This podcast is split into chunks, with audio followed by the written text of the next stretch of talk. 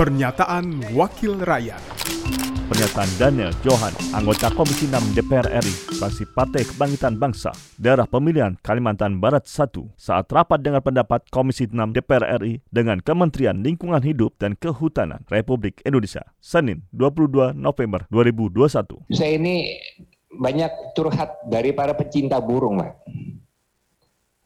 Nah, mereka itu komplain tentu yang saya ingin konfirmasi adalah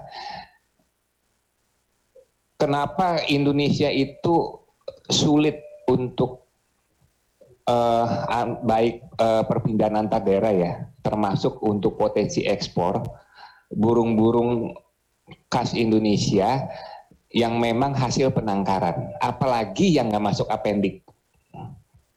Nah, saya ingin ke, ke, setahu saya kan itu boleh ya, Pak Wir boleh gak itu ekspor? Boleh kan?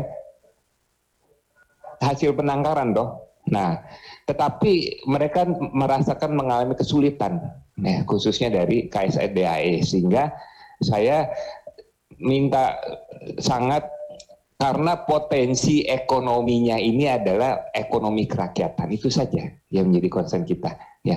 Mulai dari perajin kandang eh, pakan ternak itu semua eh, sampai di desa-desa tuh ekonomi kerakyatannya yang potensi perputaran ekonominya itu bisa sampai 7 triliun per tahun.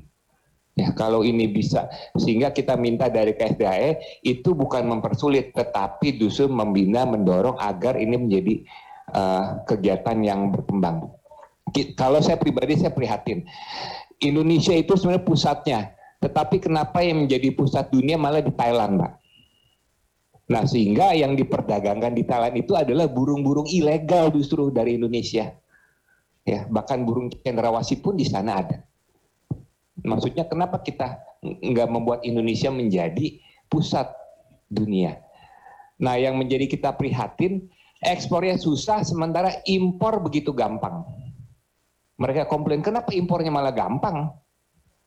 Kan jadi lucu Indonesia ini acakan nih. Yang menguntungkan Indonesia itu dipersulit, tapi yang merugikan Indonesia itu justru seakan-akan menjadi sangat mudah.